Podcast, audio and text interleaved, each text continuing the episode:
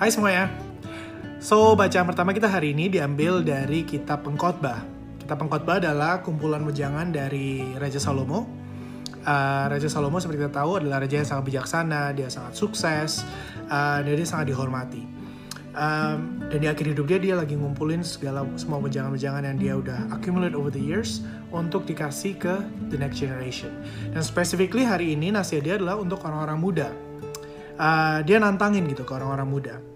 Bersukarialah hai pemuda dalam kemudaanmu, biarlah hatimu bersuka pada masa mudamu, dan turutilah keinginan hatimu dan pandangan matamu, tapi ketahuilah bahwa karena segala hal ini Allah akan membawa engkau ke pengadilan. Salomo tahu gitu bahwa orang-orang muda itu sering kali merasa dirinya invincible. Karena orang muda itu punya banyak waktu, punya banyak tenaga, dia sehat, fisik juga uh, bagus. Orang muda begitu punya begitu banyak uh, resources, tapi at the same time dunia menawarkan begitu banyak hal yang uh, menggoda, segala hal yang duniawi, segala hal yang nikmat di, di mata. Dan Salomo berkata, these two things can be very dangerous karena kalau kita hidup hanya untuk memenuhi hasrat duniawi kita, terfokus hanya pada segala hal yang nikmat di mata, maka suatu hari Allah akan membawa kita ke pengadilan karena hal-hal ini.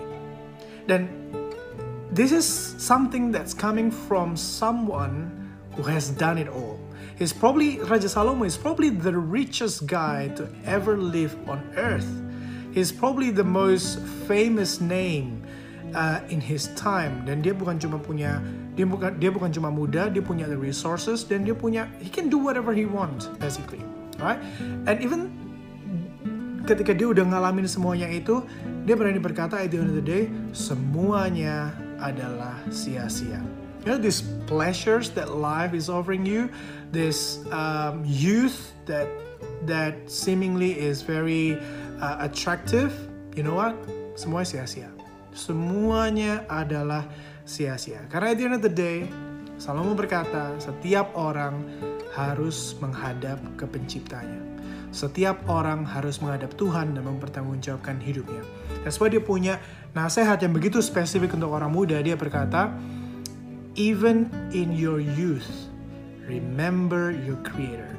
Even ketika engkau masih muda dan kau merasa you, you're on top of the world, you can do whatever you want, um, you have time, you have money, you have you have health, you have the looks and everything, but remember your God. Karena pada akhirnya setiap orang harus mempertanggungjawabkan hidupnya kepada Tuhan.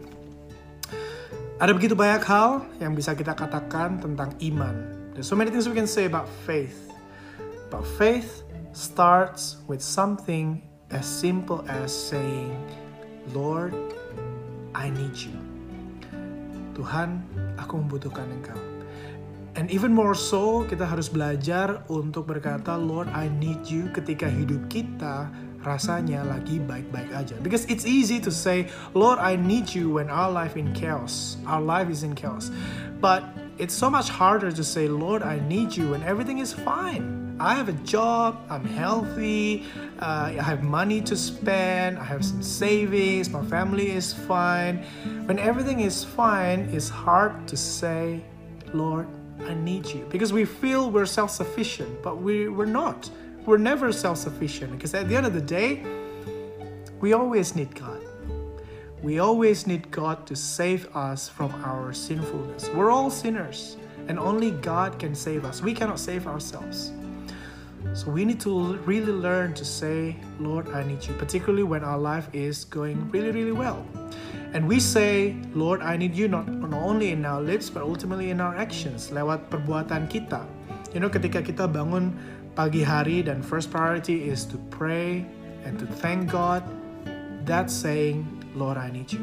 You know, ketika kita uh, lagi jalan, naik bus misalnya, atau keluar rumah, and remember to say, Lord, I need you. You know, when, when we get back home, and the first thing we remember to, to do is, I need to read the Bible. I need to study the Word of God. Aku belum belum baca bacaan harian hari ini, and we get straight into it. That's saying, Lord, I need you. So, young people, we need to learn to say, Lord, I need you by prioritizing our relationship with Him. Thank you and God bless. Bye.